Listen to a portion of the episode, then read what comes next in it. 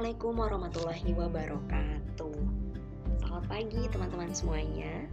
Jumpa lagi dalam Voice of Ibu Podcastnya Resmati Tempat kita berbagi Bercerita dan menyalurkan 20 ribu kata satu hari.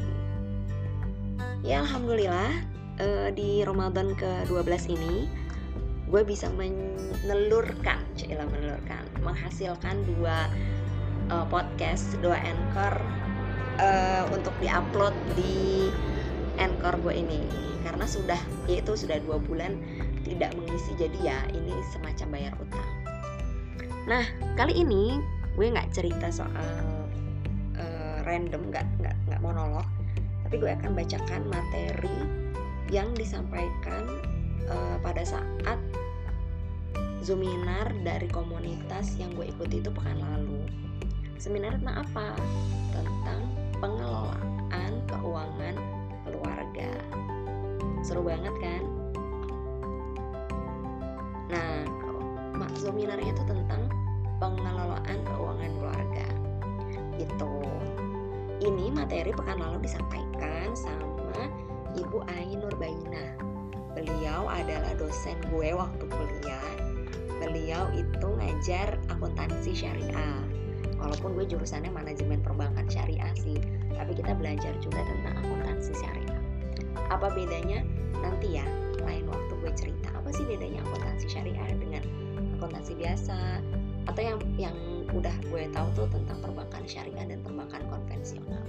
Kalau akuntansi syariah dan akuntansi konvensional itu eh, secara struktur laporan keuangan sih nggak terlalu beda jauh gitu. Tapi ada prinsip-prinsip Islam yang harus kita uh, apa ya harus kita tegakkan bahasanya gitu.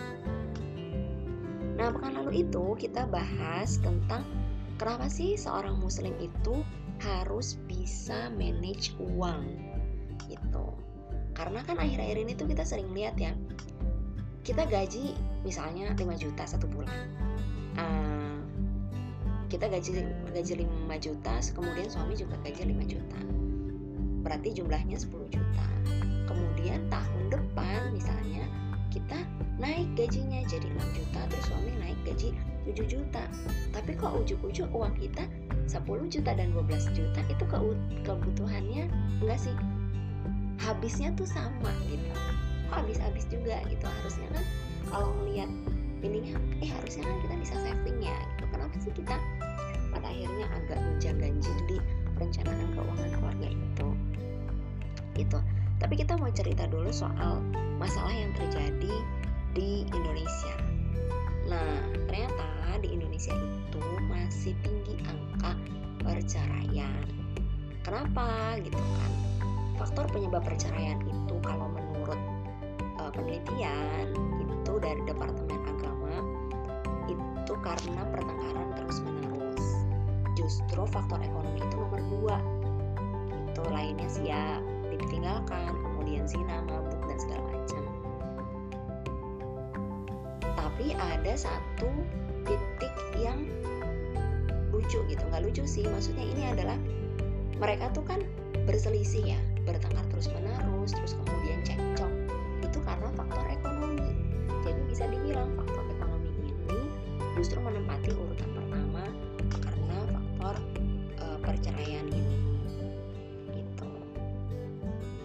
kenapa sih seorang muslim itu harus bisa mengatur uang mereka? Jadi ternyata guys gak semua orang itu boleh mengelola uang. Ini Allah loh yang bilang. Jadi ini ada di surat An-Nisa ayat 5 dan janganlah kamu serahkan kepada orang-orang yang belum sempurna akalnya harta yang dijadikan Allah sebagai pokok kehidupan Berilah mereka belanja dan pakaian dari hasil harta itu dan ucapkanlah mereka dengan kata-kata yang baik. Ini maksudnya apa? Maksudnya kita tuh nggak boleh ngasih uang itu ke sembarang orang belum sempurna akalnya. Mending kalau orang-orang yang belum sempurna akalnya ini jangan dikasih duit, tapi langsung dikasih baju atau bahan makanan. Ini sama sih yang gue tahu bahwa kalau kita minta tolong sama anak kita untuk belanja itu tuh harus dicek juga anak kita ini udah sempurna belum akalnya gitu. Jangan anak lima tahun sudah disuruh belanja macem-macem kecuali kalau dia misalnya dikasih titipan uh, catatan. Terus kemudian kita sampaikan juga ke penjualnya uh, kalau kita mengutus anak kita untuk mengambil belanjaan yang udah kita pesan itu jauh lebih aman. Kayak gitu. Nah terus kemudian ternyata orang-orang uh, yang belum sempurna akalnya ini berkemungkinan itu akan melakukan uh, dusta kepada pasangannya atau orang-orang yang memberinya uang. Jadi jatuhnya nggak amanah ya. Kalau kita misalnya kasih uang ke orang yang belum sempurna akalnya itu dikhawatirkan itu tidak tidak apa tidak amanah gitu kan gitu. Kita kita pun juga harus cek kondisi kita. Kita tuh sebenarnya udah udah sempurna belum ya akalnya gitu. Jangan-jangan dikasih duit 3 juta habis. Dikasih duit 5 juta habis gitu. Karena perlu cek juga nih kondisi kita gitu kan. Kita sebenarnya udah uh, bagus belum untuk mengelola keuangannya nah uh, Bu Ai itu bercerita bahwa kalau kita punya uang itu kita harus cek uang kita tuh untuk apa aja ada tiga yang disarankan oleh Al-Quran juga tentang keuangan kita. Yang pertama, uang kita itu memang diniatkan untuk ibadah. Ya gitu. Jadi kalau kata Allah dalam surat At-Taubah, ketahuilah sesungguhnya nafkah itu adalah jalan Allah bagi mereka untuk mendekatkan diri kepada Allah. Ini uh, biasanya jadi kalau misalnya kita habis dapat pendapatan itu gue tuh selalu punya prinsip kalau habis dapat uang dari siapa pun itu dapat gaji atau dapat HR atau dapat bonus segala macam itu by God first. Jadi niat ibadah dulu. Sedekahin dulu wakafin dulu zakatin dulu gitu. Kemudian yang kedua adalah prioritas. Dan belanjakanlah hartamu di jalan Allah dan janganlah diri kamu menjatuhkan diri pada kebinasaan. Kayak gitu. Jadi tentukan prioritas apa dulu nih yang mau kita uh, keluarkan? Setelah zakat biasanya kalau orang yang masih punya kewajiban atau utang itu utang dulu. Terus kemudian baru kebutuhan bulanan. Dan terakhir adalah pertengahan. Pertengahan ini adalah biasanya kayak uh, jalan-jalan refreshing nah itu jadi bab Nah, yang kedua, apa sih yang harus dimiliki kita sebagai seorang muslim untuk menjadi seorang manajer keuangan? Dalam Quran surat Yusuf ayat ke-55, Allah itu udah cerita bahwa Yusuf itu bilang sama rajanya itu, kan Nabi Yusuf itu sudah keluar dari penjara, terus Nabi Yusuf itu ditanya sama rajanya, wah Yusuf kamu mau apa? Akhirnya Nabi Yusuf bilang, bahwa jadikanlah saya bendahara di negeri Mesir ini karena saya adalah orang yang pandai menjaga dan berpengetahuan. Dua nih karakter dari Nabi Yusuf soal ke apa namanya karakter yang harus dimiliki oleh seorang pengelola keuangan yaitu hafiz dan alim. Harus bisa menjaga ini duit amanah gitu ya kalau bahasanya uh, Rasulullah itu amanah. Satu lagi tuh alim. Dia tuh harus tahu mengatur uangnya ini oh ini untuk ini untuk itu dan bisa mempertanggungjawabkan.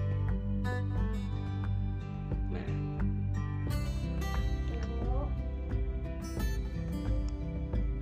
Lanjut ya. Tadi ada iklan dan Zaid lewat. Nah eh, kenapa sih seorang itu harus mempunyai karakter hafiz atau menjaga? Karena kalau seseorang sudah pandai menjaga, maka dia akan bisa mengontrol expenses habit. Jadi dia punya karakter e, mengontrol pengeluaran.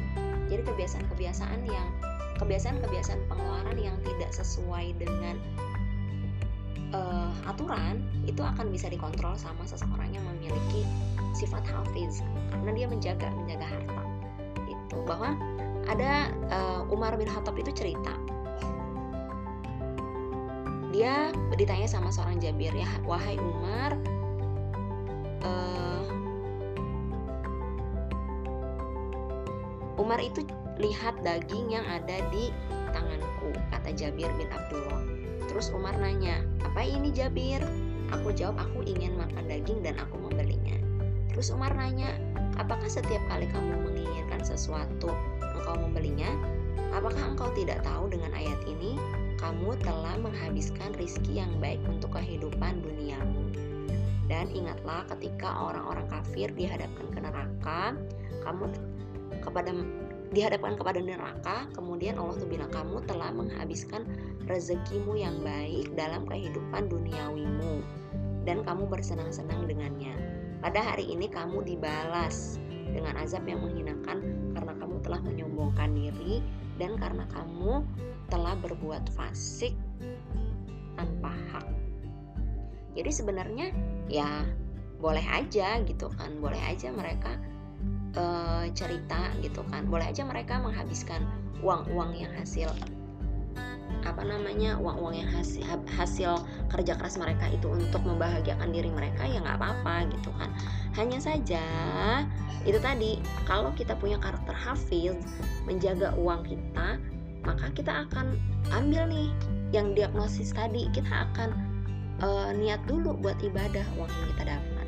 Terus kemudian menentukan prioritas gitu. Jangan sampai uang udah kita banyak terus kita tidak menentukan prioritas terus udah nggak nentuin prioritas akhirnya kita nggak jadi juga e, beribadah kepada Allah gitu kan.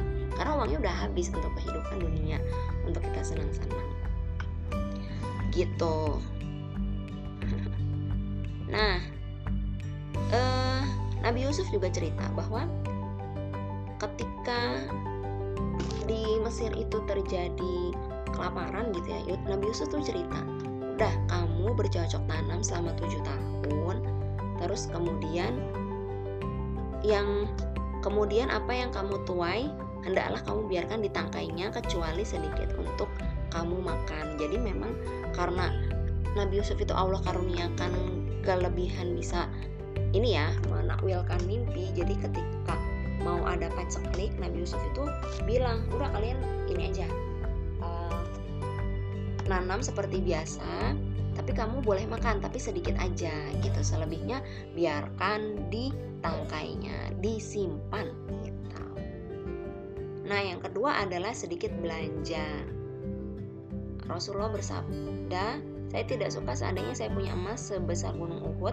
lantas saya pergunakan untuk pribadi, selain sekedar tiga dinar saja. Eh, uh, ini ini ujian sih ya. Jadi Rasulullah tuh udah ya udah gitu walaupun kita dikasih walaupun dikasih emas sebesar gunung Uhud gitu ya yang besar banget itu.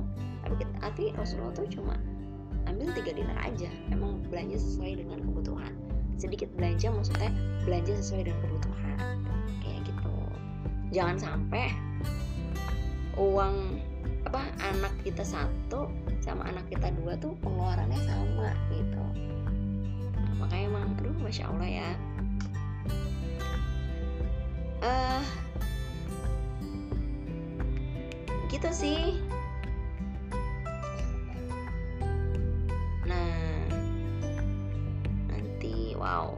Banyak banget ceritanya. Kemarin sama Bu itu belum diceritain semuanya. Baru sampai ke apa namanya tahap alim aja gitu. nah gitu abis ini nanti aku cerita deh soal yang haf eh baru cerita soal hafiznya aja gitu.